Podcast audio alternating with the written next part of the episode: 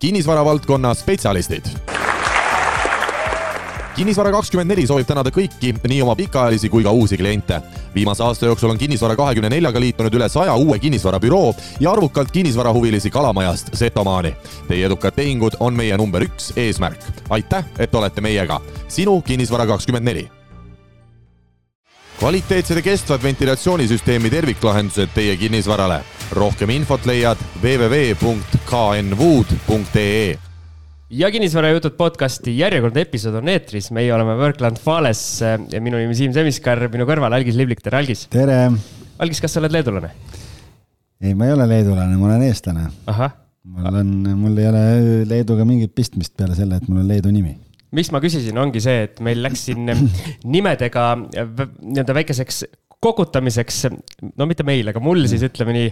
uue aasta esimene külaline on stuudios ja mees hakkab kohe plähmerdama. absoluutselt, nagu Algis ütles, meil on esimese, esimene salvestuspäev äh, kahe tuhande kahekümne neljandal aastal ja esimene külaline stuudios kahe tuhande kahekümne neljandal aastal ja sellepärast ütleme nii, et selline uusaasta värin on veel sees. elevus on sees, jah. elevus on sees ja. ja nagu me ütlesime, meil on külaline ja meil on külaliseks ettevõtja Sanders Skorik. tervist. tere, tere kõigile ja meil tuleb sellise nii-öelda laia, laia lehega saade täna, et me ei jää kindlasti Eesti piiresse, aga ma arvan, sellest me jõuame veel rääkida. räägime ettevõtlusest, räägime kinnisvarast, investeerimisest, spekuleerimisest, kõigest, noh, täna siin ma ei tea, loodan, et vaatame, kuhu, kuhu me kõik sellega välja jõuame, et äh, aga ühesõnaga, minul tegelikult on juba pikalt olnud plaanis sind külla kutsuda ja, ja mul endal äh, käis äh, see mõte peast läbi, siis sind on soovitatud meile saatesse. ja, ja nüüd natukene läks veel aega ka, et sind siia stuudiosse saada, sest sa olid Eestist ära, et äh, võib-olla kõigepealt lihtsalt enne, kui me üldse nagu detailidesse läheme, et millega sa tegeled igapäevaselt praegu, räägi siis, et sa ütlesid, et sa oled ettevõtja, et mis see tähendab?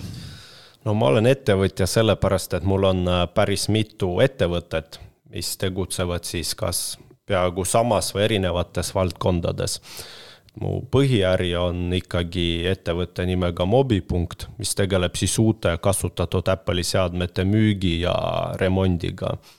meil on Kalasadama tänaval pood, tegutseme juba üle kaheksa aasta ja eelmine aasta on meil käive olnud circa neli miljonit eurot. et oleme Apple'i mõistes äh, täiesti arvestatav tegija Eesti turul, just nii-öelda kasutatud seadmete turul. ja sealt kasvaski lisaäri nimega Dreamvara, mis siis tegeleb korterite ostu ja müügi üürivahendusega, ehk siis kõik, mis on kinnisvaraga seotud. ja aastast kaks tuhat kakskümmend kolm suvest äh, on veel Dreamvara kõrval ka Scover Estate, mis tegeleb siis kinnisvara vahendusega, müügi, ostuga Dubais et kui kellelgi on huvi Dubai kinnisvara vastu, et mina siis saan sellega aidata. et mina aitan teha Dubai siis äh, investorile või koduostjale õige valiku. okei okay,, sinna me jõuame siis, jätame selle Dubai ikkagi nagu sinna. magustoiduks, sinna lõppu jah, et äh, aga kuidas, räägime mobipunktist kõigepealt, et kuidas see üldse alguse sai, et äh, mis see taustalugu seal on? no taustalugu on see, et ma tegelen ettevõtlusega juba noorest peast ja soovisin teenida taskuraha kooli käimise kõrvalt ning hakkasin igasuguseid asju ostma ja müüma. ja parasjagu too hetk oli see õige hetk, kus Apple'i seadmed hakkasid koguma Eestis populaarsust, aga neid ei olnud väga kuskilt osta et osta saigi ainult operaatori juures telefoni selle kaheaastase paketiga. ja olid siis ainult paar poodi, kus said osta ainult uue seadme. no ja siis ma hakkasin igasuguselt välismaa oksjonitelt neid kasutatud seadmeid kokku ostma.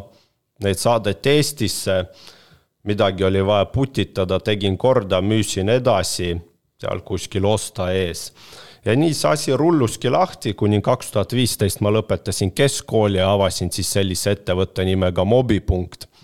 ja nii see äritee läkski. et see algustegevus oli kõik veel kooli kõrvalt puhtalt? jaa, ikka. Aga kust sul tuli üldse mõte nii-öelda mobiiltelefonid eh, võtta selleks eh, sihikuks, et kas sa olid ise aktiivne Apple'i kasutaja ja nii-öelda meeldis see tehnoloogia või, või lihtsalt nägidki turul seda täitmata potentsiaali? no esiteks mulle see tehnoloogia väga meeldis, sest ma nägin selles asjas tulevikku, et uh, kuidas Apple'i telefon välja nägi ja kuidas ta toimis võrreldes nende teiste telefonidega, mis too hetk turul olid, noh, pooltel olid siis veel nuppudega telefonid ikkagi siin viisteist aastat tagasi. ja kindlasti ma nägin selles ka suurt potentsiaali. võin öelda, et äh, mehel on endal iPhone on laual ka, et ei ole Samsungiga veel Samsungiga tulnud siia, et jah, meil on üks Samsungi mees ikka siia eksib laua taha ära ja see on Siim alati, et. jah, no ma sealt otse Lõuna-Koreast tõin ja, ja kuidas see mobipunkti kasv on läinud siis, et, et see on kuidagi orgaaniliselt lihtsalt ise, ise nagu läinud või, oota, kui vana ettevõte on nüüd? ettevõte saab maikuus üheksa aastaks, eks. okei okay., et juba päris kaua, et ja, ja see on, sa ütlesid, see on sinu põhitegevus, et, et see, see tähendab siis mida, et sina suhtled või kui suur see ettevõte üldse on, et käive on nagu üks asi, aga, aga mis su igapäevane tegevus endal seal? no seal ettevõttes mina olen tegevjuht et mina kontrollin rahavoogusid, et ettevõte toimiks, pood oleks avatud, kõik arved, maksud oleksid makstud ja ettevõttes hetkel töötab kaksteist kolleegi igapäevaselt. Pood on avatud seitse päeva nädalas ja miks ma pean seda enda põhiäriks, on sellepärast, et see on see äri, millest kõik alguse sai okei okay., noh, tegelikult selles mõttes on jah, et oled nii-öelda juurte juurde edasi jäänud, et kuigi noh, kinnisvara mastaapi, kui me pärast jõuame, et äh, me alati külalistelt palume memo ka, et siis päris hirmuäratavad numbrid äh, käisid sealt, äh, sealt läbi, et, et siis ma saan aru, et, et hoolimata sellest, et seal käibed on nagu üüratud, siis, siis see mobipunkt on ikkagi endiselt nagu alles veel, et ei ole täie ihu ja karvadega kinnisvarasse läinud. aga kuidas sa tunnetad, kas selles ähm, mobipunkti äris või telefoni äris on seda kasvuruumi veel? nii ja naa, selles suhtes, et äh, esiteks Eestis on piiratud arv rahvastikku, et seda eriti juurde ei tule, nagu võib-olla kuskil välismaal. ja teiseks on see, et konkurents on ikkagi meeletu, et ähm, päris paljud ettevõtted on hakanud seda Apple'it ka müüma kõrvalärina, et noh, ma nimesid ei saa nimetada, aga osades ehituspoodides saab isegi juba iPhone'i osta. siin teab kindlasti see, kus mina käin? jah, ma ei tea no,. Ma ei... ma ei ole märganud, võib-olla tõesti et jaa, konkurents on väga meeletu ja tihe, et täna selle äriga alustada oleks päris keeruline, sest no mis siin salata, Apple on ikkagi väga ahne ettevõte ta teenib suuri kasumeid, aga edasimüüjatele nagu näiteks Mobipunkt või mõned muud tegijad, neile ta jätab väga väikese marginaali. et seal ikkagi saad raha teenida ainult suure mahu pealt, et kui sa seal müüksid paarkümmend telefoni kuus, no sellel ei oleks mitte mingit mõtet, sa isegi ei saaks oma, isegi enda ühe töötaja kulud kaetud okei okay,, aga äkki lähme siis selle investeerimise poole juurde, et kuidas sa üldse investeerimise juurde jõudsid? kas kohe esimene pisik oli see kinnisvara või, või oled mujal varaklassides ka kätt proovinud? Selles suhtes on see, et ma olen proovinud ka osta ja müüa aktsiaid, aga mulle see värk ikkagi ei meeldi, see vajab ka pühendumist, arusaamist ja mina ikkagi tegin otsuse, et mina tegelen selle äriga või investeerin sinna, millest ma saan aru. et kui ma ei saa millestki aru, siis ma sinna ei investeeri et see aktsiatesse investeerimine läks pigem lahti koroona ajal, kui kõik seal ostsid, müüsid, vahetasid ja siis oli soov ka kätt proovida. algis peaks ka õppima sinult seda, et ta investeeriks sellesse, mida ta teab eks me oleme kõik vigu teinud jah aga..., inimene õpib kogu elu. ja sureb ikka lollina. jah, jah, et ja nii on, aga kui rääkida kinnisvarast, siis tegelikult kinnisvara on mulle pakkunud ka alati huvi, aga kinnisvarasse investeerimine vajab suuremaid rahasummasid, et näiteks kui ma olingi koolipoiss, ma mäletan väga hästi eelmist majanduskriisi, kuidas hinnad iga päev kv.ee-s tõusid ja siis nad iga päev järsku langesid. et kuidas saigi näiteks seal Õismäel või Mustamäel aastal kaks tuhat üheksa, kui oli see kriisipõhi kahekümne tuhande euroga täitsa okei okay korteri paneelmajas, noh. praegu see korter maksab, on ju viis korda rohkem juba. aga miks üks keskkooli õpilane peaks käima KV-s surfamas? Siis olid veel põhikoolis. no selles suhtes, et mingid hobid peavad olema ja kuna mul on vanemad ka ettevõtjad, siis ma sain juba noorest peast aru, et äh, tuleb nii-öelda vanemate jälgedes edasi minna ja uurisingi erinevaid võimalusi, et kuidas turg toimib ja majandus toimib, et kes millega ostab, kes millega müüb ja kuidas seda raha teenida siin maailmas vot, aga siia ma tahan küsida, sa ütlesid, et sul olid vanemad ettevõtjad ja sinuni või sinule kandus see pisik justkui üle, et meie nii-öelda lapsevanematena, kas sa soovitad meil siis oma eeskujuga lapsi nakatada, et see, see on ülioluline, mis perest, perest tulla ja saab nii-öelda võib-olla lendstardis siis minema? Selles suhtes kindlasti soovitan innustada oma tulevast põlve aga jällegi on see, et kõik inimesed ei ole ettevõtjateks sündinud. et kui ikkagi te näete, et teie lapsed ei taha olla ettevõtjad või neil ei ole selle vastu huvi või neil ei tule see välja, nad tahavad olla siis kas, ma ei tea, arstid, politseinikud või arhitektid, et kindlasti ei tohi seda arengut piirata et lihtsalt tahangi seda võtta kokku, et kõik ei ole ettevõtjaks sündinud ja ettevõtjaks minu hinnangul õppida ei saa, et kui inimesel ikkagi ei ole seda ärivaistu, siis seda ei tule, et ükskõik palju sa raamatuid ei loe või mis ülikoolis sa ei õpi.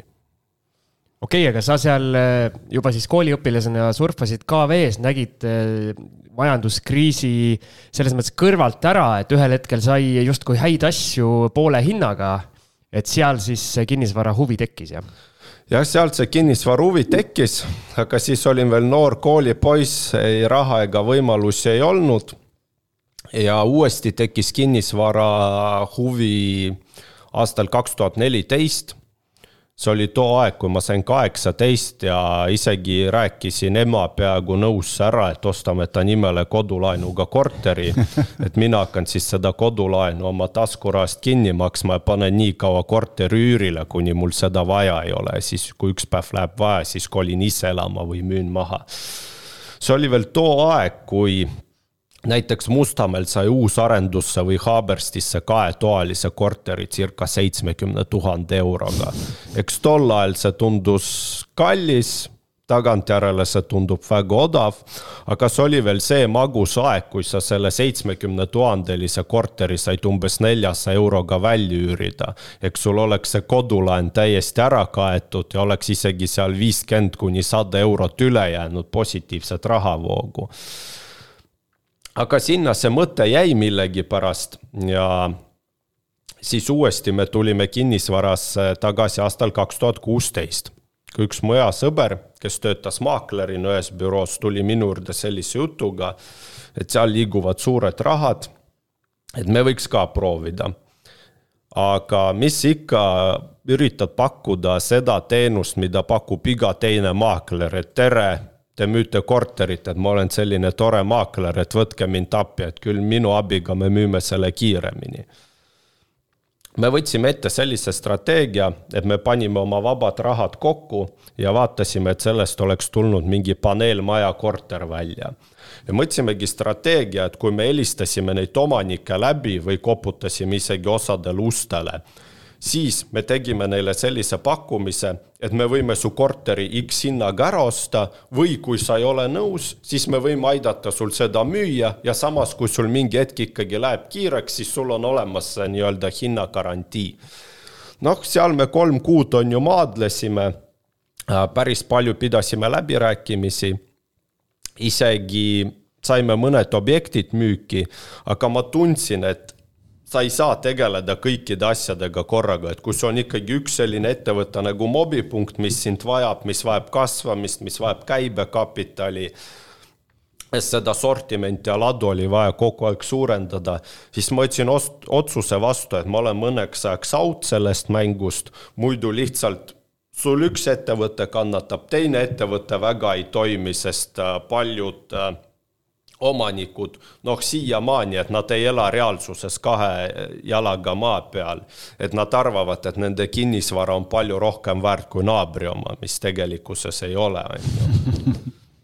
ja sinna see Dreamvara jäigi, et see ettevõte oligi loodud sõbraga kahe peale ja ta jäi paremaid aegu ootama ma korra tulen sinna selle ukse, ustele koputamise juurde, et noh, see on nagu selline USA kultuuriruumis üsna levinud, äh, no ma ei tea, raamatumüük ja, ja kõik see pool, aga noh, Eestis see väga ei ole levinud ja eestlane tihtipeale nii-öelda noh, suvalise ukse koputuse peale võib-olla ust lahti teha ei tahagi üldse, et äh, kuidas see ukse koputamine, kuidas see vastu võeti, mis reaktsioonid olid, lubas keegi, ma ei tea, jalaluuga ära murda, mismoodi see välja nägi? ei, selles suhtes see ei olnud massiline, et äh, me pigem koputasime uksele siis, kui oli mingi maja müügis ja näiteks teise maakleriga ja see oli kallis maja, aga see maakleri teenus, mis nii-öelda teine maakler pakkus, oli nii halb ja me tahtsimegi omanikuga jutule saada, et kuule, sa müüd poole miljoni eurost maja, mis tol hetkel oli nagu meeletu raha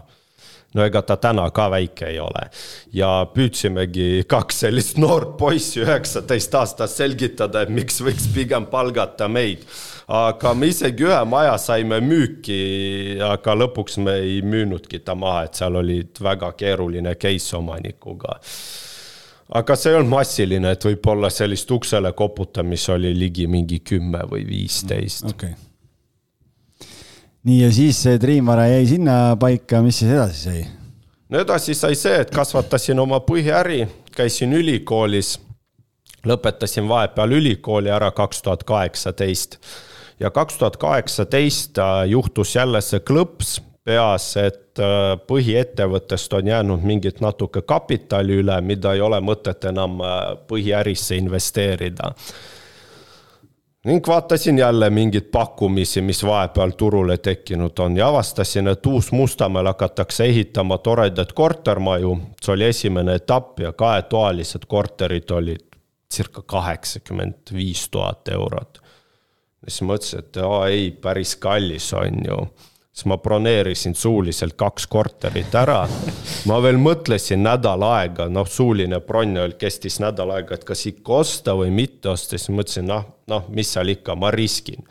aga need ma ostsingi selle põhimõttega, et hiljem üürile panna, et ettevõttele tekiks nii-öelda natukene passiivset tulu ka. aga kuna mulle ei meeldi mängida väikest mängu et üks või kaks korte, korterit ei oleks seda nii-öelda õnne majja toonud, siis ma kahe korteriga ei piirdunud ja läksin nii-öelda ahneks. siis ma broneerisin Lasnamäe alguses veel kaks korterit, paar kuud hiljem ja siis ma broneerisin veel ühe ja. siis viis juba kokku? jaa, viis. ja need korterid siis jäid ootama paremaid aegu, sest neid said nii-öelda ostetud paberi pealt ja nad pidid valmis saama aastal kaks tuhat kakskümmend. võlli tegid ära siis? jaa, võlli tegin ära, maksin sissemaksu ära ja jäingi paremaid aegu ootama, et mis siis on ju saama hakkab. aga sa üldse ei mõelnud selle peale, et mis see plaan on, kuidas ma nad välja saan ostetud, kõik see pool, et lihtsalt nagu mõtlesid, et ah bronin ära ja vaatame, mis saab või? ei, selles suhtes plaan oli ikkagi olemas, et plaan oli ikkagi see olemas, et äh, küsime pangalaenu, kuna mobipunkt oli juba arvestatav ettevõte ja küll me oleks laenu saanud ja saime ka. ja ikkagi plaan oli olemas. Esim, esimesed korterid ostsid mobipunktile siis? jaa, mobipunktile ja et paneme üürile, teenime passiivset rahavoogu nii, ja kuidas läks sellega siis? no mis seal ikka läks, siis saabus koroona kaks tuhat kakskümmend on ju kevadel, need korterid pidid kõik suvel valmis saama, ega arusaamatus oli väga suur. ei teadnud, mis saama hakkab, kas äh, üldse need korterid maksavad kaheksakümmend viis tuhat eurotki, paljuga ma need ostsin. või nad maksavad võib-olla viiskümmend tuhat eurot, no mitte keegi mitte midagi ei teadnud, et oligi selline nagu täiesti arusaamatus. kui suur vibra sul sisse lõi siis? no eks ta ikka lõi sisse ja eks kiiruga sai need kõik korterid äh, järsku maakleri abiga müüki pandud väikse kasumiga, peaasi, et saaks nagu kaelast ära nad. aga hea, et see oli see aeg, kus inimesed ei julgenud otsuseid vastu võtta ja keegi neid isegi väga soodsa hinnaga ära ei ostnud. ja siis saabus suvi, korterid said valmis pidime nad välja ostma, saime pangast väga headel tingimustel laenu, viiskümmend oli meie osalus, viiskümmend oli panga osalus. marginaal oli väga hea, siis positiivset Euribori veel ei olnud. ja sisustasime korterit ära, panime üürile, läbi maakleri leidsime toredad üürnikud. no ja siis nautisime pool aastat seda üüritulu. Aga kui aus olla siis mulle see üürivärk ei meeldinud. noh, kuna olid tutikad korterid, seal olid mingid garantiiprobleemid, kogu aeg sulle helistati, et kord külmik ei tööta, kord pliit ei tööta, et kord jälle mingi pragu tekkis, kord uks ei lähe kinni.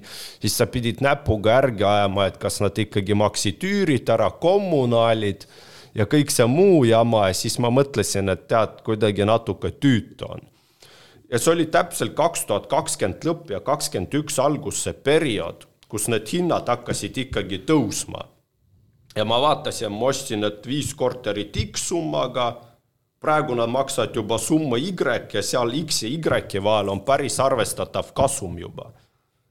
ja ma mõtlesin ja mõtlesin, et miks ma pean neid kortereid edasi üürima, kui ma võin need praegu maha müüa võtta mingi viie aasta suuruse üürikasum korraga välja, eluga edasi minna. noh, mõeldud-tehtud, paiskasime kõik korterid müüki, kolme kuuga oli plats puhas, korterid olid müüdud, raha oli taskus. no siis mõtlesin, et why not, tundub päris hea äri, ostsin jälle korterid sisse ja nii ta läkski ühesõnaga, sa said nii-öelda hamba verele nendest esimestest tehingutest ja siis äh, palju sul neid, äh, kas see, ma siis enne küsin nii, kas see sinu strateegia ongi siis, äh, teed võllid ära ja, ja siis ootad, kuni korter valmib ja siis paiskad müüki? selles suhtes jah, meil on strateegia praegu päris lihtne, et meie pakume inimestele valmis kodusid meie ostame need kodud ise enne otsearendajalt ära, tavaliselt siis paberi peal, kui on valik kõige parem, hinnad ka kõige soodsamad. ootame, kuni saab maja valmis, sisustame need korterid ära, noh, osadesse paneme ainult köögi, osad sisustame täielikult ära. ja siis äh, paiskamegi järelturule. okei okay,, aga kui kui suures osas sa nüüd nende vahepealsete aastate jooksul siis võllide müügiga oled tegelenud ja kui palju on neid korterid, mis te reaalselt välja ostate ja siis müüte?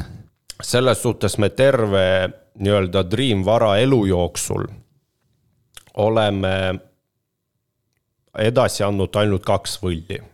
okei okay,, sest minul on kuidagi jäänud see linnalegend, mis mina olen kuulnud, on see, et vot see vend seal et ma ei mäleta, kes see küsis mu käest või ütles mulle, et kuule, kas sa seda, seda tüüpi tead või? et noh, et see vend paneb nii hullu võllidega spekuleerimist, et teist sellist ei ole nagu turu peal näha, on ju, et, et sina siis ütled, et see legend ei vasta, ei vasta no, tõele. selles suhtes, eks linna peal räägitakse erinevaid jutte, isegi kui me oleme osad korterid äh, suutnud nii-öelda enne ära müüa enne valmimist, siis ikkagi meie oleme need arendajalt välja ostnud ja siis müünud uuele ostjale. sest siin tekib probleem, et kui ostja on enda rahaga ja arendaja on nõus, sa saad selle võlju üle anda aga paljud arendajad, esiteks nad ei ole nõus võlju üleandmisega, enamus arendajaid, neid arendajaid on võib-olla jäänud ainult paar tükki, kes on nõus võlju üleandmisega. teiseks isegi kui arendaja lubaks võlju üle anda, siis pangad võlju üleandmisel seda ostu ja müügi hinnavahet kliendile kodulaenuga ei kompenseeri. see näiteks tähendab seda, et kui ostja tuleb ostma muld korterit, mille mina ostsin saja tuhande euroga ja müün saja kümnega, siis seda minu kümme tuhande eurost kasumit pank ostjale ei finantseeri, ostja peab selle enda taskust leidma. mis tähendab siis seda, et ta ilmselt ei osta seda korterit, sest tal ei ole nii palju raha. või kui ta ostab, siis ta peab ostma oma vahenditega. aga kui ma ostan selle korteri ikkagi välja, ja siis müün, siis see hind, millega mina ta ostsin, see ei puutu enam asjasse, nagu iga teise kinnisvara puhul. lihtsalt on see, et miks me oleme neid kortereid suutnud nii palju müüa, kui oli järske, järs-, miks me oleme kortereid suutnud palju müüa, kui oli järsk hinnatõus ja me müüsime natukene turuhinnast neid odavamalt. niimoodi, et meie teenisime ja ostjal oli moti just meilt osta, mitte mingilt teiselt inimeselt või otsearendajalt siis meil seisis järjekord klientidest kogu aeg taga, et sisuliselt me saime mingi korteri kätte ülehomme, see läks bronni, ma ei tea, nädala pärast tehing, uus korter peale.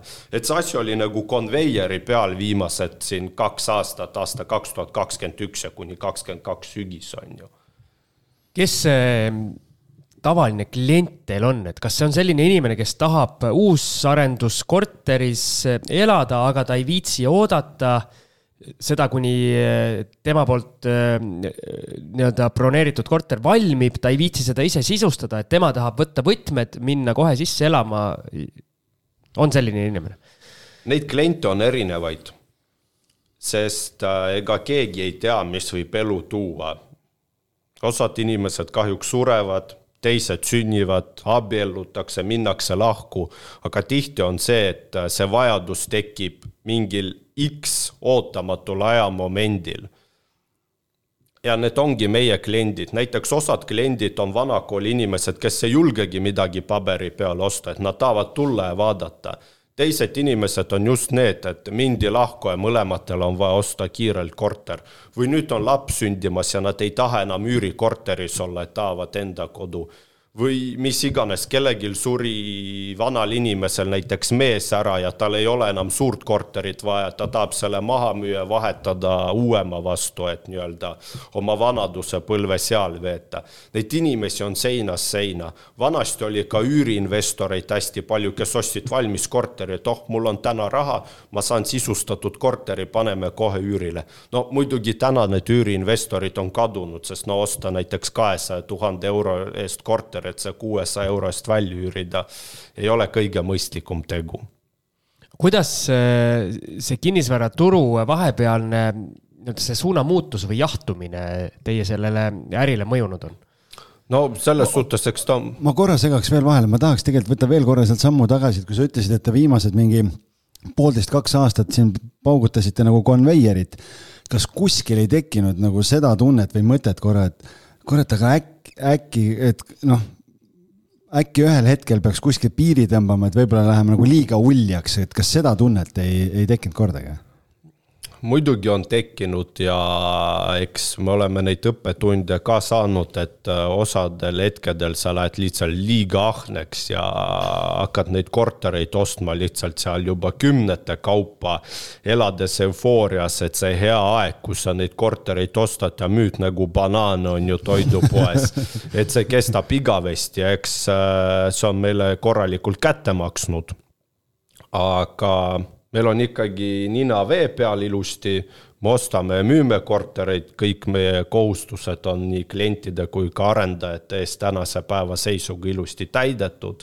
aga muidugi hirmul on ka suured silmad, et näiteks kui hakkas Ukrainas sõda, kõik kodu ostmised, kõik tehingud tõmmati järsku kaks kuud pausile, keegi midagi ei tahtnud osta, ei tahtnud müüa. Meie jaoks kaks kuud on kulla hinnaga, meil kõik tehingud seisid, me olime kõik paanikas, on ju, et kuidas me need asjad välja ostame, sest meil on ports kortereid käes, mida keegi ei taha. noh, maikuus seal kõik laabus, kaks tuhat kakskümmend kaks inimesed said aru, et eluga tuleb edasi minna, jälle osteti. siis tekkis see kaks tuhat kakskümmend kaks sügis, kus Euribor hakkas tõusma kõik uudised olid täis, et nüüd hinnad kukuvad kolmkümmend protsenti, oodake, ärge ostke, on ju, majanduskriis on tulemas. keegi jälle ei ostnud. meil on jälle ports kortereid käes, uued on peale tulemas, et nüüd on jälle vaja genereerida. et kas sa siis hakkad neid kortereid odavamalt müüma või mis sa siis tegema hakkad. aga nüüd me harjusime olukorraga ära, et olukord on muutunud enam konveieriliin ei toimi. nüüd on vajagi võtta äriplaani et sa müüdki neid kortereid seal kaks-kolm kuud, mõningaid võib-olla isegi rohkem, et sa tuled inimestele hinnas alla või pakud mingeid muid asju, eridiile. ja nii see turg hetkel toimibki nüüd sa vastasid Siimu küsimuse ka ära, mis Siim küsis, sorry jah, et ma enne lendasin sisse niimoodi, aga, aga mis. oota, lumiorava veepaus. teeme jah veepausi. muidu on liiga huvitav ja. ja jääb paus üldse tegemata okay.. teeme väikse pausi. kvaliteetsed ja kestvad ventilatsioonisüsteemi terviklahendused teie kinnisvarale. rohkem infot leiad www.knwood.ee paus peetud ja minu järgmine küsimus äh, sulle on selline, et äh, mis need piirkonnad on, kus, äh, kus te seni tegutsenud olete, et kas kas see piirdub Tallinnaga või, või olete siit kuskile välja ka vaadanud, kuigi jah, okei okay,, uusarendust väga Tallinnast väljas äh, ei tehta, aga kuskil ikka on midagi? hetkel me oleme piirdunud ikkagi ainult Tallinnaga ja osadel juhtudel ka Tallinna ümbritsevate piirkondadega, näiteks Rae vald, kus me oleme saanud mingeid häid diile, näinud sellel arendusel või piirkonnal potentsiaali. aga ikkagi me jääme Tallinna piiridesse, sest meie hinnangul on Tallinn ikkagi likviidne turg, et isegi kui siin peaksid hinnad langema või midagi juhtuma, siis Tallinnas on palju suurem äh, tõenäosus realiseerida see korter kui kuskil kakskümmend kilomeetrit Tallinnast äh, põllu peal. Ja pigem oleme keskendunud äh, soodsama otsa arenduste peale, kus on jällegist rohkem ostjaid et meie ei osta tavaliselt mingeid poolemiljonilisi eksklusiivseid kortereid. et jah, tagantjärele mõeldes siin mingid inimesed on ostnud poole miljoni eest Noblessneris korteri ja siis aasta hiljem selle kuuesaja tuhande eest müünud maha, et siis mõtledki, et miks ma pean neid kümme korterit ostma, et sama kasum teha et oleks võinud osta ainult ühe korteri ja teha kümme korda vähem tööd ja tulemus oleks paberi peal rahaliselt ikka sama olnud. aga me ikkagi oleme jäänud enda liistude juurde, sest nende soodsama otsa korterite puhul on see, et seal on nii esmane koduostja nii ka koduostjad, kellel on kogunenud natukene raha, nad müüvad oma vana korteri ära, panevad juurde, kolivad lihtsalt uude majja. seal on ka üüriinvestoreid, et seal on noh igat ühte, sest näiteks kui me räägime mingitest eksklusiivsematest asjadest, siis ostjate turg on väga piiratud. on sul äh, või on teil äh, korterid äh, nii-öelda mingi planeeringu ja duaalisuse ja millegi sellega ka nii-öelda konkreetsed asjad välja kujunenud, mida te võtate, mida te ei võta? Selles suhtes me võtame kõike, mis on hea hinnaga et ikkagi aastal kaks tuhat kakskümmend üks ja kakskümmend kaks, kui oli järsk hinnatõus, et me riisusime kõike, mis meile anti, aga põhiliselt jäime ikkagi ühe-kahe, no osad ka kolmetoalised jäid meile sõelale. aga nüüd, kus turg on muutunud, kus inimesed ei osta enam ükskõik mis korterit, ükskõik mis vaateplaneeringu ja hinnaga, peaasi, et midagi osta saab, siis ikkagi me oleme oma strateegiat muutnud ja näiteks viimased investeeringud, mis me oleme siin äh, eelmisel aasta teises pooles teinud, me oleme ikka istunud kolleegiga tundide viisi laua taga, lapanud neid planeeringuid, käinud kohapeal vaatamas, mõelnud, mis vaated seal tulevad, kes ostja on, palju ta teenima peab, et kõik on muutunud, et me enam ei osta asju uisapäisa, me nüüd väga hästi teame, mida me ostame, miks me ostame, kes see lõplik tarbija on, kui see maja saab siin kahe aasta pärast valmis. Kui palju sa neid kaarte avada tahad praegu, et mida te siis ostate või kui palju, kui aktiivselt üldse praegu ostate, et noh, tegelikult nii-öelda müümise koha pealt on turg ju oluliselt vaiksemaks muutunud, aga samas arendajatega annab jälle päris korralikult läbi rääkida, erinevalt sellest, mis siin vahepeal toimus, et mis positsioonil te ise olete praegu? selles suhtes me oleme praegu mõlemas positsioonis, et me müüme ka neid kortereid, mis meil on hetkel käes või mis neid, neid kortereid ka, mis siin kaks tuhat kakskümmend neli peale tulevad. Õnneks neid ei ole nii palju, kui oli eelmine aasta. Ja hetkel oleme ka ostnud aastaks kaks tuhat kakskümmend viis ka positsioone, sest me näeme seda ette, et kui Euribor hakkab langema, siis turuaktiivsus võib tõusta just nende inimeste seas, kes on praegu olnud tootel, et nad ei saa kogu aeg oodata, et mingi hetk neil ikka tekib vajadus osta. okei okay,, ja tahad sa siis avada ka, et mis toote juurde te nüüd jäänud olete, et, et kui te siin selle süvaanalüüsi ära tegite, et mida te ostate? no ma võin osaliselt kaarte avada, et ikkagi me enam-vähem jääme oma liistude juurde, lihtsalt me oleme natukene tõstnud hinnasilti. et me nüüd ostame natukene kallimaid kortereid kui äärelinna kahetoalisi, et pigem oleme liikunud kesklinnale natuke lähemale, sest täna me oleme märganud seda, et kõik korterid, mis meil olid nii-öelda kesklinna kõrval, kas siis kesklinnas või Kristiines või Põhja-Tallinnas, mingite heade vaadetega korterid, isegi natuke kallimad korterid, need oleme suutnud ilusti ära müüa, aga just need äärelinna korterid, kus on suur konkurents, kus ostabki väga hinnatundlik klient, et need korterid on aja jooksul kuidagi kas no mitte kätte jäänud, vaid seal peab nagu rohkem maadlema, et siis kas hinda müüma või mingeid lisasid müüma. et ikkagi me oleme muutnud seda strateegiat, et kuna hinnatundlik klient ikkagi ei osta, investor üüriks praegu hetkel ka pigem ei osta, et me jahime neid koduostjaid, kelle jaoks see kümme või viisteist tuhat eurot hinnavahe ei mängi nii rolli, et ta on nõus selle hinnavahe kinni maksma, kui ta saab hea vaatega korteri, heal korrusel, hea planeeringuga, parema siseviimistluse, parema köögiga ja nii edasi. Ütled sa meile numbri ka, mis see teie tehingute arv tänaseks päevaks on? Ja, ja teise poole küsimuse teen sellise, et mis selline keskmine korterite arv on, mis teil nii-öelda pipeline'is on, ehk siis mida te ootate? Või nagu sa väga hästi ütlesid, et mis positsioonid teil võetud siis on selles suhtes me oleme siiani müünud üle saja korteri, mis on siis nii-öelda meie poolt ostetud ja müüdud, ma ei räägi siin mingitest klientide korteritest, mis me oleme aidanud vahendada, sest meil on see vahendusäri ka juurde tekkinud nende aastate jooksul, kus meie kliendid, kes on meil ostnud, tahavad müüa mingi teise vara vandüürile või on juba isegi osad korterid tulnud teisele ringile müüki aga hetkel meil on käes üle viieteist korteri, mis on müügis, mis saab kohe osta erinevates rajoonides, täissisustusega ilma, kahetoaline, kolmetoaline, meil valikut on, võtmed saab kohe notaris kätte.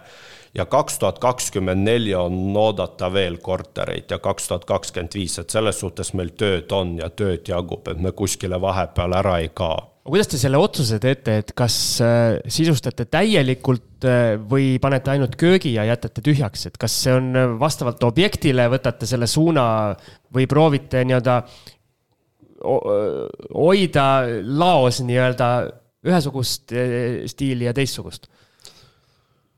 ma ütleks niimoodi, et turg kogu aeg muutub. et näiteks kaks aastat tagasi kedagi eriti see köök ei huvitanud nüüd on jällegi vastupidi, mida rohkem mööblit inimene selle korteri hinna sisse saab, eriti nende soodsamate korterite puhul, seda parem on. ehk köök on nagu must be, ilma köögita sa täna ei müü ühtegi korterit maha, kui me räägime selles hinnaklassis kuni kakssada tuhat, kakssada kakskümmend tuhat eurot. kui inimesel on valida, kas panna sissemaksuks kolm, neli, viis tuhat või panna kööki, siis ta paneb sissemaksuks selle. ja, ja kui on mingid garderoobid siis on ka super, aga jällegi on see, et osade korterite puhul Excel ei mängi välja neid garderoobe ja muud sisu panna, et kas hindamisakt ei tule täis.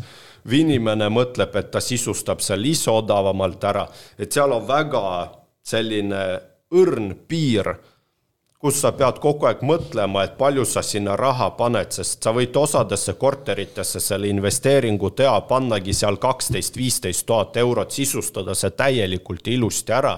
mitte on ju IKEA mööbliga, aga kõik tulevad vaatama, ilus, äge, aga naaber müüb viisteist tuhat eurot odavamalt, ma arvan, ma saan viiekaga hakkama ja nägemist ma eeldan, et kui te olete üle saja korteri müünud, siis äh, mitte kõik sellise mahu juures ei ole lõppenud nii-öelda teie jaoks positiivse tulemiga, et oskad sa umbes protsentuaalselt öelda, et äh, kui palju objekte te müüte kasumiga, kui palju müüte kahjumiga, kui paljudega jääte nulli?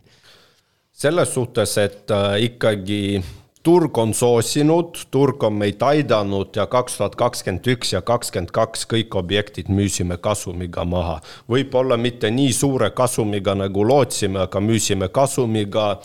müüsime kiirelt eest ära, uued asjad tulid peale, müüsime jälle eest ära, liikusime eluga kogu aeg edasi. see on täpselt nagu see banaanimüük, nagu ja, sa tõid. täpselt nagu hulgimüük kohe, kui ära ei müü, läheb hapuks. jaa, aga nüüd on turg muutunud, mängud on muutunud, hinnad on tipust natukene alla tulnud. Ja ikkagi viimasel hetkel, et kui me müüme seda laojääki, mis meil oli ostetud kaks tuhat kakskümmend kaks sisse ehk turu tipus või peaaegu turu tipus, et neid kortereid oleme ikkagi müünud kas nulli või kerge miinusega. et näiteks kuu tagasi me müüsime ühe neljatoalise korterimaja, võtsime kolmkümmend tuhat lossi sisse, aga me saime aru, et kui me praegu ei võta kolmkümmend tuhat lossi sisse, siis võib-olla hiljem me võtame vähem lossi, on ju, müüme ta kasvõi nulli, aga siis ta ikka seisab meil mingi pool aastat või aasta aega et lihtsam oli loss sisse võtta, raha vabaks saada, mingi uus asi välja osta, eluga edasi minna. et kogu aeg ei saa ainult teenida, et kinnisvara on nagu iga muu äri, et vahepeal tuleb loss sisse võtta ja elada tänases päevas, et kui täna on selline hind ja sul on vaja müüa, siis pigem müü, mitte jää ootama neid aegu, et kakskümmend kaks tipus see korter oli kolmsada tuhat eurot. no võib-olla see korter ei maksa enam kolmsada tuhat eurot viis aastat, ega me keegi ei tea. kui paindlikud te olete just selliseid otsuseid tegema, et sa tunned, et äh, selle korteriga ei lähe asjad, äh, turg äh, nii-öelda võib-olla paremuse suunas ka pool aastat veel ei pööra. et võtate julgelt hinda alla ja ja teetegi selle, nii-öelda võtategi selle lossi sisse ja, ja ei vabista ja et selles suhtes, et äh, kui on vaja müüa, siis me ikkagi müüme, aga samas me igasuguste pakkumistega kaasa ei lähe, et ikkagi, kui me müüme mingit korterit näiteks kahesaja tuhande euroga ja me teame, et see on niigi üks turu madalama otsa nii-öelda pakkumistest. ja kui tuleb klient ja ta on tõesti nõus minema tehingusse ja ta tahab seal veel mõned tuhanded eurot alla saada, mis sest, et meil seal katet ei ole enam, siis me ikkagi teeme tehingu ära, lähme eluga edasi, sest täna on selline turuolukord. aga kui ikkagi kirjutavad need sari kommentaatorid nagu Delfis, et sada viiskümmend tuhat ja raha on kohe olemas, siis me tavaliselt vastame selle jutu peale, et paku meile samasugust korterit, et me ostame sult kohe ära saja viiekümnega, et kui sa arvad, et neid tõesti liigub. aga praegu on päris ära. paljuks läinud neid kirju, on ju? päris palju on läinud neid kirju ja kõige kurvem on see, et ma olen väga tänulik nendele inimestele, kes nagu kohe kirjutavad ja helistavad ja teevad sellise pakkumise, et nad ei raiska vähemalt üksteise aega. aga osad on ju ka sellised kliendid, et nad tulevad koha peal vaatama, vaatavad üle, sa kulutad enda aega, sõidad, näitad ja siis ta kaks päeva hiljem kirjutab, et tere, et tänud vaatamise eest, et minu pakkumine on selline ja ma olen nõus, ma olen nõus, nii et äh, kirjutan kahe käega alla. mina ei ole nõus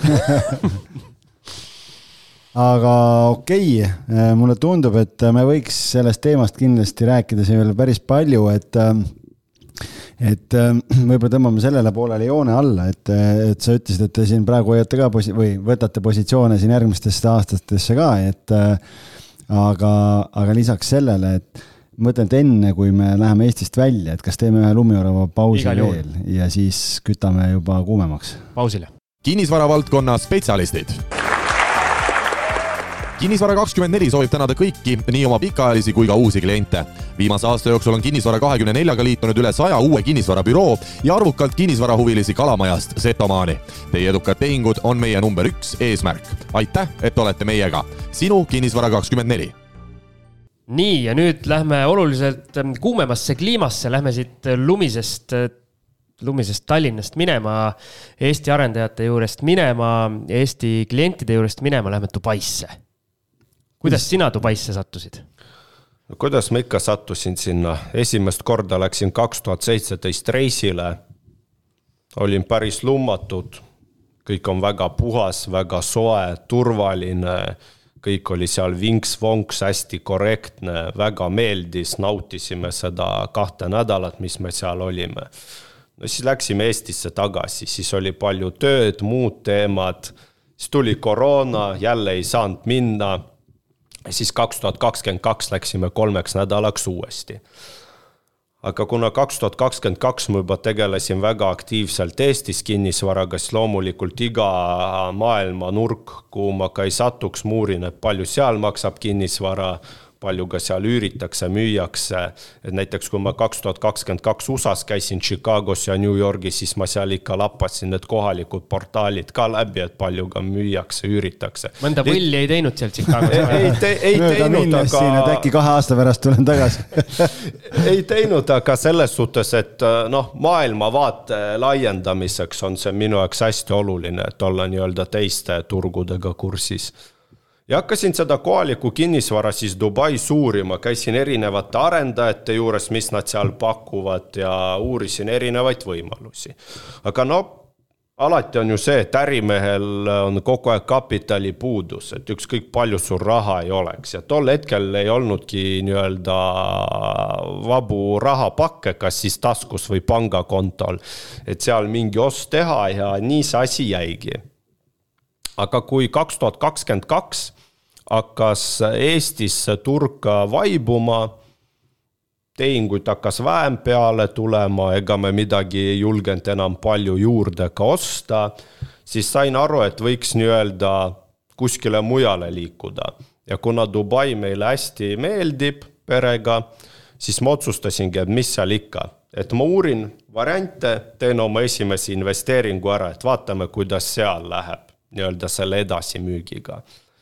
ja siis kaks tuhat kakskümmend kolm jaanuaris, täpselt aasta tagasi, tegin esimese investeeringu, läksime kevadel sinna kuuks ajaks puhkama, vaatasin veel rohkem ringi, tegin erinevate piirkondadega tutvust, mitte on ju ainult Palm Jumeirahi, Dubai Marina või Downtowniga, on ju.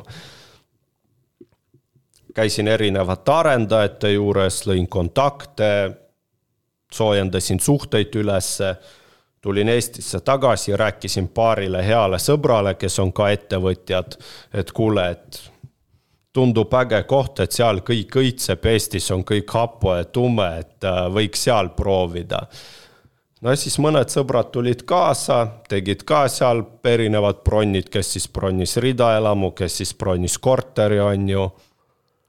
nii ta läkski ja kuna me võtsime selle aasta suvel eesmärgiks, et me talvitume Dubais ja ma võtsingi endale eesmärgiks, et olla see inimene Dubais, kes aitab meie eestla-, Eesti klientidele teha seal õige valiku, kui keegi on huvitatud Dubai kinnisvarast, kas siis on ju edasimüügi eesmärgil või üürimise eesmärgil või tahab üldse koduks osta, et no ma ei tea, elab seal kolm kuud, ülejäänud aja üürib välja ja nii ta läkski, et nüüd meil on kas Cover Estate, Mobipunkt ja Dreamvara kõrval.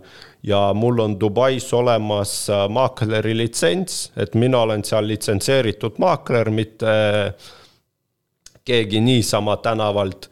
Ja mina olen ise ka investeerinud, oma rahaga riskinud ma tean väga hästi kuhu tasub investeerida, kuhu ei tasu investeerida ja mis on see parim toode, mida sa saad osta mingi X summa eest.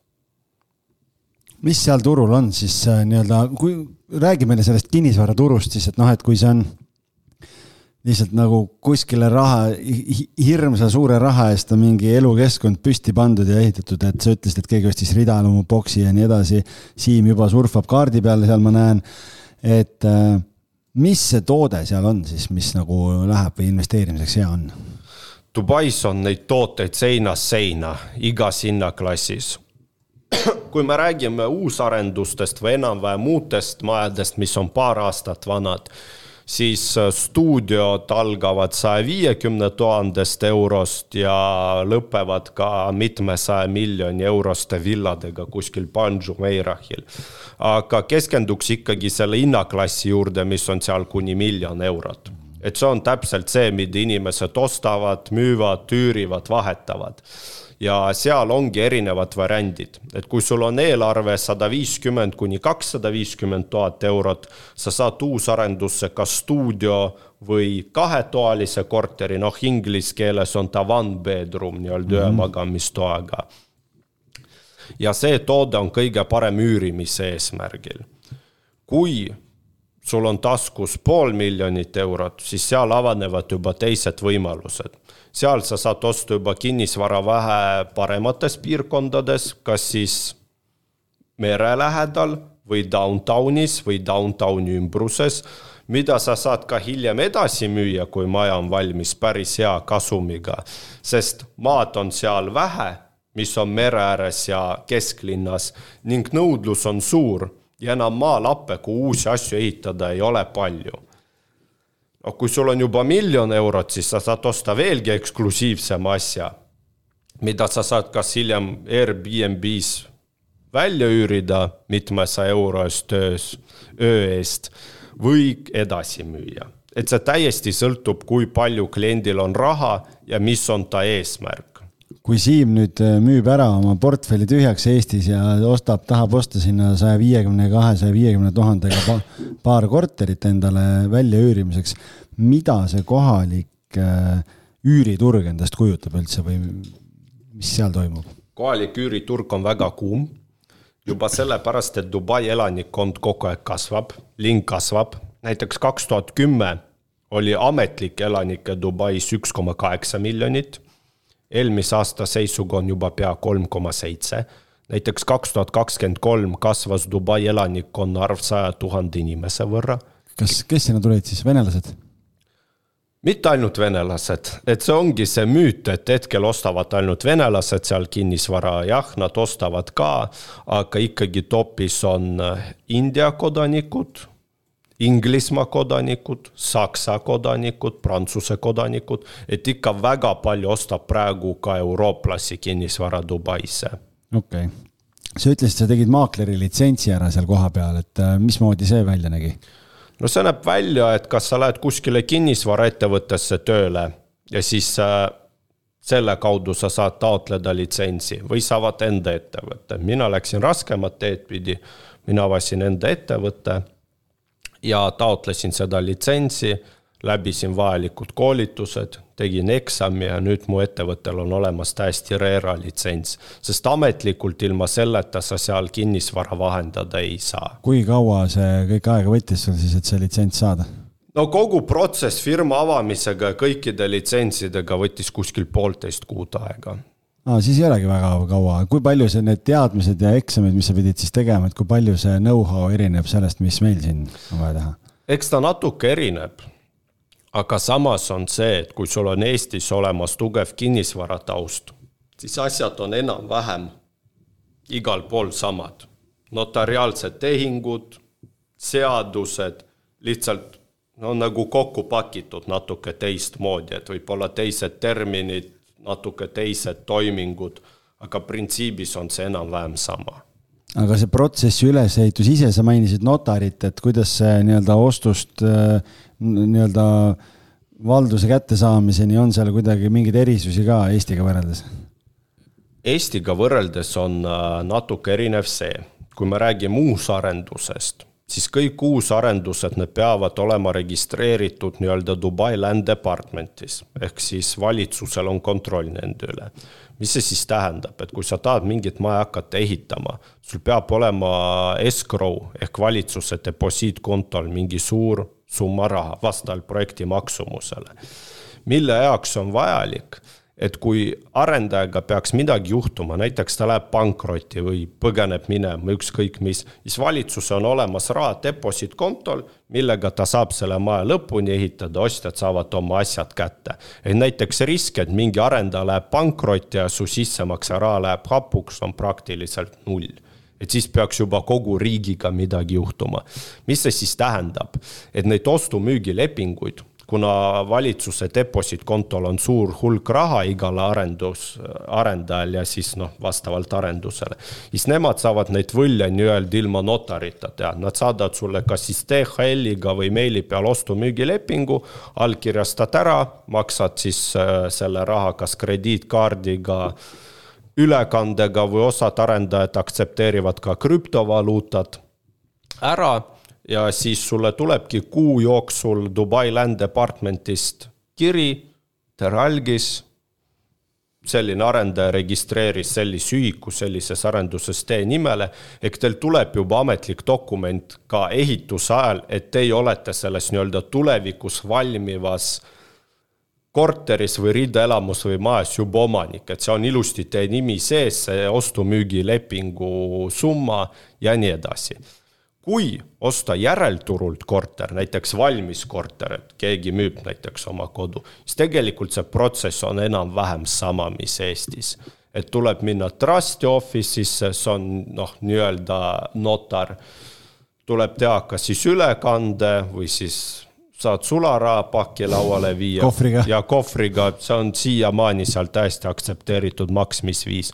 kui on ikkagi korteril hüpoteek peal, siis enne tuleb kas siis kustutada, ehk osa siis rahast läheb pangale või kui ostad pangaga, siis pank paneb hüpoteegi peale ja maksab osa siis sellest laenust nii-öelda müüjale korteri eest kui keegi, kui keegi cash'is tuleb ostma kohvriga, kas seal on see raha lugemise masin, see laseb? notaris laua taga kõik hakkab, loevad niimoodi, jah? ja seal jah, tõepoolest on niimoodi ja ma olen näinud, kuidas äh, üks venelane tuli arendaja kontorisse ja tal oli suur Louis Vuittoni reisikott sularahapakke täis, seal oli umbes poolteist miljonit eurot ja siis pandi kogu kassa kinni et lihtsalt seal kolm venda lugesidki tund aega järjest, need äh, raha lugemismasinad lihtsalt töötasid.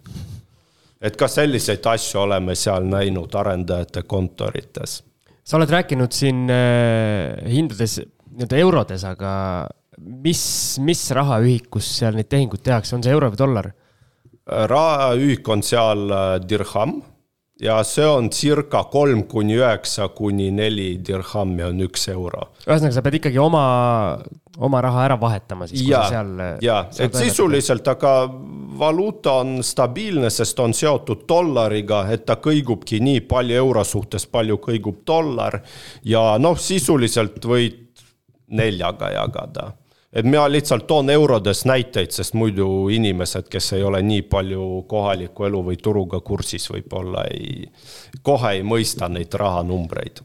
sa oma selles memos kirjutasid meile, et äh, sa võid ka arutada sel teemal, et miks sina näiteks ei ole Hispaania usku, et meil siin saates on, äh, on, on käinud inimesi, kes äh, kas siis Hispaanias teevad sedasama, mida sina Dubais teed, või siis neil on huvi Hispaaniasse investeerida või nad on seda juba teinud miks, miks sina siis eelistad äh, Dubaid Hispaaniale? vastus on lihtne, esiteks mina isiklikult näen Dubais tulevikku mitte ainult kinnisvaraturu mõistes, vaid üleüldises mõistes. seal on riigijuhtidel olemas suur plaan, visioon ja siiamaani nad on seda ellu viinud, kuidas seda linna veelgi kasvatada. näiteks aastaks kaks tuhat nelikümmend on Dubai valitsusel tehtud masterplaan, et nad suurendavad seda linna ja selle, tänu sellele suureneb ka elanikkonna kasv kahekordseks. mis see siis tähendab, et linn kasvab, tekib uusi võimalusi, kinnisvaravajadus kasvab ja kõik need piirkonnad, mis on täna kesklinna ääres või mere ääres, need tõusevad veelgi hinnas. et see kasvupotentsiaal on meeletu. ja teiseks on see turvalisus.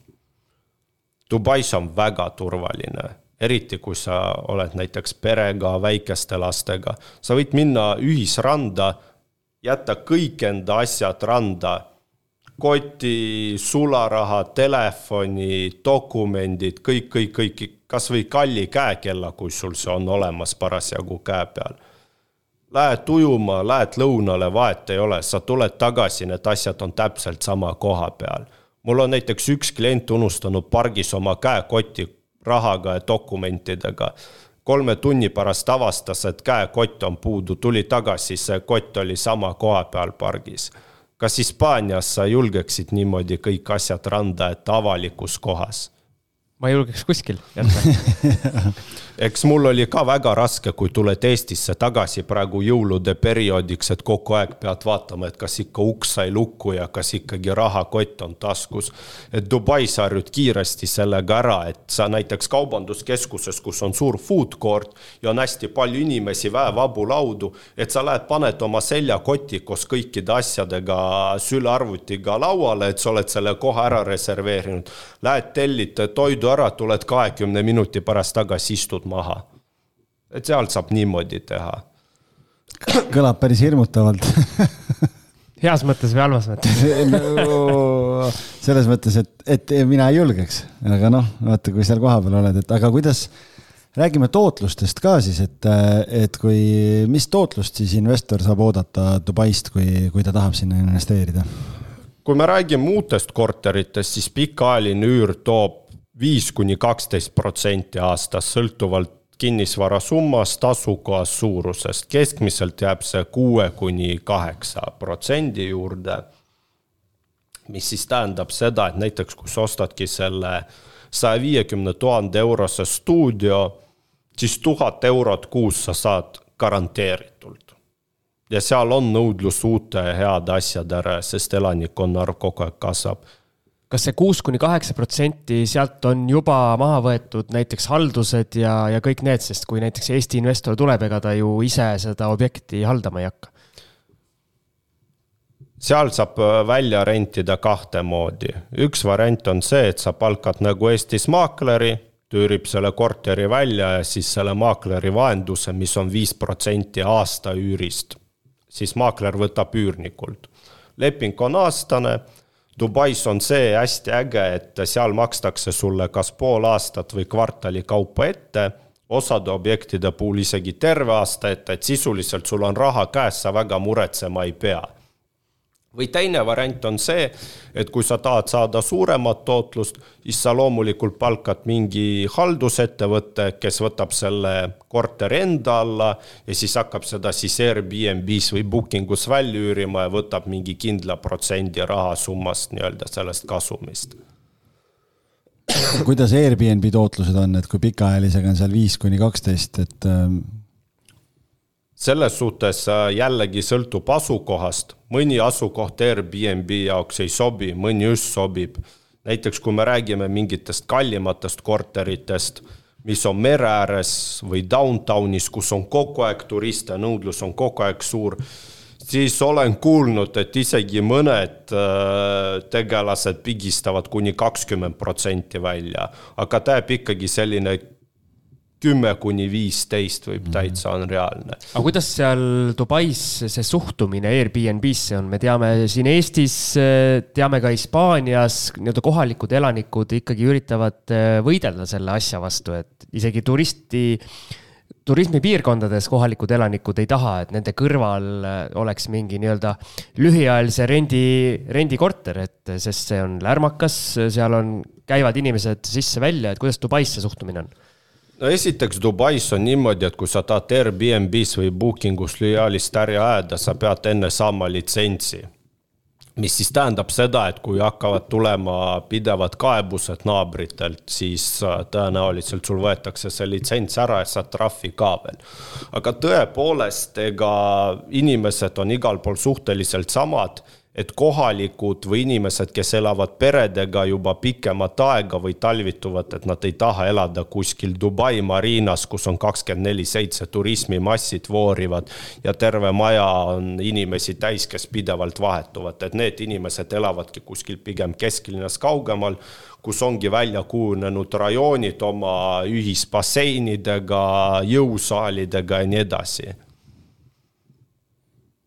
väga põnev ma juba tunnen, tahaks seda sooja, mis seal on, et äh, aga kuidas see üldine elatustase seal või, või nagu see, ma ütlen nagu pigem nagu hinnatase, et kui nüüd me Siimuga siin tahame tulla turuga tutvuma siin. Mati Mustamäelt võtab. või Mati võtab Mustamäelt võtab kohvri selga ja, ja tahab tulla, et äh, kuidas see, kuidas see hinnatase seal on, et ma ei tea. kas kohvi siin... jaksab ikkagi hommikul osta? see on täiesti õigustatud küsimus, mehed, sest äh, kahjuks on päris paljudel äh, klientidel või üldse Eesti inimestel jäänud selline mulje, et Dubai on hullult luksuslik linn, et kui sa seal sõidad, siis ainult Lamborghiniga, kui sa elad, siis sa elad ainult palmi peal. et Rolls-Royce, see on, see on nagu köki-möki, et ja kui sa ligi. sööd, siis ainult sööd Michelini tärniga restos, tegelikult Dubai on selline koht, et vastavalt enda soovidele, võimalustele. et sa võid seal elada ka uues hotellis, mis on kuskil äärelinnas ka seitsmekümne euro eest öö, mis on sama hind nagu Tallinnas. sa võid elada ka palmi peal. sa võid süüa ka täiesti tavalises kohvikus, kus on samad hinnad või isegi mõndades kohtades odavamad kui Tallinnas, võid minna ka Michelini tärniga restosse. et keskmiselt hinnad, kui me räägime toidupoodidest, toidust või mingitest teenustest, sisuliselt samad, mis Tallinnas näiteks mul on just hea, üks hea sõber Dubais ja ma eile kirjutasin talle, küsisin, et kuidas siis see Dubai on. siis ta vastab mulle, et meeldib, aga ma veel lõpuni ei ole seda feeling ut kätte saanud, aga ma sain aru ainult ühest asjast. et siin on samad hinnad kui Tallinnas, aga siin on ikkagi parem kui Tallinnas. et äh, ikkagi hinna, hinnatase on suhteliselt sama, et sa ei tunne ennast seal kuidagi vaesena võrreldes Eestis elades või niimoodi väga hea kuulda, Mati praegu rõõmustab. Mati hakkas pakkima juba. ja muidugi Dubai üks selline, ma ei tea, kas on negatiivne külg, on see, et kuna seal on soe, seal on promenaadid, kõik on ilus, hästi palju vaba aja veetmisvõimalusi, sa nagu tahad kogu aeg seda raha kulutada. et nagu Eestis sa ei taha iga õhtu väljas söömas käia. külm on ju, õue ei taha minna. sa pead riidesse panema, kuskile sõitma, ootama. seal on nii, et sa tuled välja, noh, lähme on õhtul Dubai mariinasse jalutama jalutama lähme, aga lähme siis välja sööma, lähme. et ongi see, et kuidagi seda raha kulub lihtsalt sealt sellepärast rohkem, et sa tahad seda kulutada. siis on minu äh, nii-öelda professionaalne nõuanne see, et kui lähed Dubaisse, siis kõigepealt osta need kinnisvaraasjad ära ja siis ülejäänud rahaga mine jalutama jaa, täpselt nii ja see on nagu, mul tõmbab paralleeli, siis ma käisin kaks tuhat üheksa käisin Miami's ja siis seal see käisime mingi city tuur oli ja siis giid küsib, et noh, et kas te teate, miks Miami on, kutsutakse nagu, et see on maagiline linn. me kõik vaatame, et ei tea, sellepärast, et raha kaob näppude vahelt niimoodi ära, et ise ka aru ei saa. et see on natuke sama asi siis, et tuleb lihtsalt hobuseid ohjata natuke. ei, täpselt samamoodi, aga jällegi teiselt poolt on see, et kui me räägime elatustasemest, siis äh, hästi palju rahvusvahelisi ettevõtteid on juba Dubais et ikkagi, kui sa lähed sinna elama või sa oled hea spetsialist, siis küll sa leiad endale tööd või võimalusi, kuidas äh, ettevõtlust näiteks teha, see ei pea olema ainult kinnisvara, et sa ostad või müüd või üürid. seal on tuhat muud võimalust, kuidas endale leiva lauale tuua. et lihtsalt, mis vahe on Hispaanial näiteks või Dubail, et kui sa lähed Dubaisse ja sa tahad seal midagi teha töö mõttes, küll sa leiad endale seal tööotsi või võimalusi. Hispaaniasse pigem inimesed lähevad niisama tiksuma, neil on Eestis mingi äri olemas, mida nad juhivad kaugelt. Või nad on mingid kõrg, kõrge palgaga töötajad, näiteks IT-sektoris, kes saavad, on ju, arvutis tööd teha, aga nad ei tee Hispaanias mingit tööd. Nad ei tee seal äri. Või kui keegi teeb, siis hästi vähesed. aga Dubais on just see, et sa saad seal midagi teha seal on võimalusi olemas. aga kes on Dubais see nii-öelda kohalik elanik, kas see on selline nii-öelda multikultuurne linn, et ongi, kõik on kuskilt mujalt maailmast kokku sõitnud ja elavad seal või, või on päris nii-öelda kohalik, kohalik ka olemas? Dubai on väga multikultuurne linn, circa üheksakümmend protsenti elanikkonnast on äh, välismaalased, eurooplased Indiast, Aasiast, no põhiliselt on ikkagi eurooplased. kuidas see mingi elamisloa teema ja see, et kõik kes tahavad, võivad tulla, uksed on avatud või, või on mingi elamisloa teema ka? no kas seal ei olnud mitte see, et kui sa ostad vähemalt poole miljoni eest sinna kinnisvara, et siis saad mingi, mitte kodakondsuse, aga noh, mingi elamisloa seal või? selles suhtes seal on kaks varianti elamisluba, mida saab kinnisvaraga kaasa, et kui sa ostad vähemalt äh, circa saja kaheksakümne tuhande eurose asja, siis sa saad elamisloa kaheks aastaks pikendamise võimalusega noh, niikaua, kuni sul see kinnisvara on, mingit jama sa pole kokku keeranud, sa saad kogu aeg pikendada nagu meie seda Eesti ID-kaarti. aga kui sa ostad vähemalt poole miljoni euro eest kinnisvara, siis sa saad golden viisa ja golden viisa antakse kümneks aastaks ja Golden Visa annab sulle võimaluse, et sa saad selle Golden Visa alla panna ka oma kogu pere, lapsed, abikaasa, elukaaslase, ka vanemad, kui sa tahad. aga Mati Mustamäelt? no Mati Mustamäelt sa saad kaasa võtta endaga siis, kui ta on nii-öelda su sulane. et äh, isegi kuni kaks koduabilist võid enda riigist kaasa võtta, kelle sa võid enda elamisloa alla panna. Siim, ma... see on tõesti kuldne. Siim, kui kuldne sa lähed, kas sa võtad mind enda koduabiliseks? no tööd peab tegema seda ma ei oska. päris huvitav. väga huvitav, jah. Aga selles suhtes, mis on Dubaisse investeerimise suur pluss see et seal ei ole kinnisvara edasimüügist või üürist ühtegi maksu, mis siis tähendab seda, et näiteks kui sa müüd, ostad saja tuhande euro eest mingi asja, müüd ülehomme saja kahekümnega, sa paned selle kakskümmend tuhat seal tasku. üüri mõttes, et Dubais seal eraisikule tulumaksu ei ole veel, ilmselt ei tule ka mis siis tähendab seda, et sa ei pea oma üüritootluselt või edasimüügi kasumilt veel mõtlema, et ah, ma pean veel mingid maksud ära maksma ja siis tegelik tootlus on hoopis madalam. teiseks on see, et kuna Dubai kasvab, siis tõusevad ka hinnad mõõdukalt. eelmisel aastal ehk kaks tuhat kakskümmend kolm ametliku Dubai Land Departmenti statistika järgi hinnad tõusid keskmiselt viisteist protsenti kas Eestis tõusid hinnad viisteist protsenti? ei. kas võib-olla kuskil Soomes või Rootsis nad tõusid? ei. aga Dubais nad tõusid ja see aasta prognoositakse, et nad tõusevad veel kuskil viis-seitse protsenti ja jäävadki iga aasta seal viie kuni kümne protsendi piiresse tõusma. sest hetkel on kinnisvara hinnad seal suhteliselt samad veel nagu Tallinnas kui palju inimesed äh, sinuga kontakteeruvad äh, just sellel Dubai teemal ja küsivad, et kuule, et äh, ole hea, juhata meid ka sellel teel, et tahaks, tahaks seda golden viisat saada ja kõik oma sulased kaasa võtta?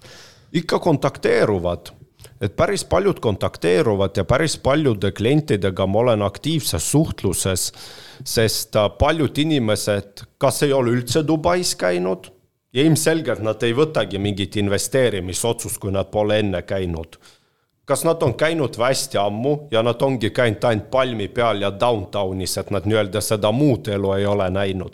ja kõik need inimesed on pidevas suhtluses minuga, sest nad tahavad tulla kas siis siin jaanuaris, veebruaris või märtsis vaadata koha peal ära, et ma teeks neile tuuri ja siis võtta selle õige otsuse vastu, et kas nad tahavad investeerida ja mida nad täpselt tahavad. et mis on nende eesmärk ma alati küsingi enda klientidelt, kes võtab minu ühendust, et miks üldse tahad osta, et kas sa tahad välja üürida, edasi müüa või endale. et sõltuvalt sellest ma leiangi parimad variandid, mida ma julgen soovitada. miks ma seda küsisin, siis ma loodan, et pärast meie saadet. Äh, telefon on punane. Läheb jah no,. kontaktide hulk lakke no loodame, et äh, kõik on teretulnud kasvõi niisama alguses uudistama uurima, et kellelegi ma ei, ei ole öelnud ja tulge Dubaisse ja kui on soov saada tuur, siis andke teada, millal tulete, lepime aja kokku no näed, meil on niisugune saade, et alles mõni saade tagasi öeldi, et tulge kõik Paidesse, nüüd ja. öeldakse, et tulge kõik Dubaisse. Paidest Dubaisse, Paidest Dubaisse, Dubai or not Dubai siin This is the question. jah, et äh, meil on äh, nii-öelda globaalne, globaalne haare siin saates ei muidugi ja mina investeerin, nagu me alustasime saadet, sinna, millesse ma usun. ja Dubai kinnisvaraturusse ma usun. ega sellel Hispaania kinnisvaraturul ei ole midagi viga. aga mina leidsin enda jaoks, et Dubai on südamelähedasem. Ja ma soovin seal talvituda, ma soovin seal tööd teha, mulle see linn väga sobib mulle seal meeldib. Hispaanias on muidugi üks miinus see, et praegu on seal külm, umbes viisteist kraadi, Dubais on praegu kakskümmend viis, eks ikkagi saad särgi väel käia ja ujuda kindlasti kohe tekib see vastuväide paljudel, aga see on suvel väga palav. jah, seal on suvel väga palav, aga ega sa ei plaani seal terve aasta elada, et sa tuled ikka siin mais äh, Eestisse tagasi, veedad seda Eesti ilusat suve siin, kus on valge tööd ja mõnus värske õhk on ju, kõik õitseb ja mets on roheline. selle pluss viisteist, selle peale mul on, mul on hea jutt, kunagi käisime Madeiral ühe suurema seltskonnaga ja siis oli ka seal jaanuarikuus selline viisteist, kuusteist kraadi, üsna tuuline ja tuul oli üsna külm.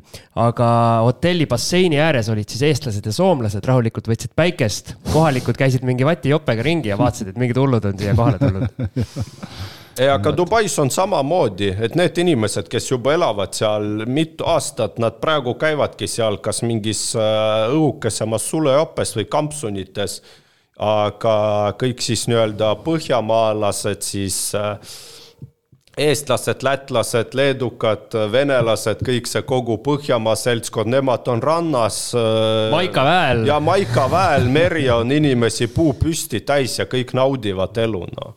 ja kohalikud vaatavad, et noh, napakad. täitsa lollid. ja külm on ju aga näed, kuidas kellele, see on eh, nii rannamõnude nautimises kui ka kinnisvaras, nagu me tänase saate pealt äh, aru saime, aga tead, me peame hakkama joont alla tõmbama, kuna sul on vaja minna notarisse. ja tehingud vajavad tegemist. just, ei saa, ei saa puhata, aga meil on väga hea meel, et sa tulla said. Aitäh teile kutsumast. me saime oma maakaardile jälle ühe, ühe lipukese juurde Dubai näol. Ja loodame siis, et on Eestis investoreid, kellele sa nii-öelda väikese Dubai pisiku nüüd sisse süstisid ja võtavad sinuga ühendust, et lisainfot hankida? ja neid kindlasti on ja tuleb ja kõik on teretulnud ja suhtleme. suhtleme, olgu. aitäh sulle, tšau. tšau. kinnisvara valdkonna spetsialistid kinnisvara kakskümmend neli soovib tänada kõiki, nii oma pikaajalisi kui ka uusi kliente. viimase aasta jooksul on Kinnisvara kahekümne neljaga liitunud üle saja uue kinnisvarabüroo ja arvukalt kinnisvarahuvilisi Kalamajast Setomaani. Teie edukad tehingud on meie number üks eesmärk. aitäh, et olete meiega. sinu Kinnisvara kakskümmend neli kvaliteetsed ja kestvad ventilatsioonisüsteemi terviklahendused teie kinnisvarale. rohkem infot leiad www.knwood.ee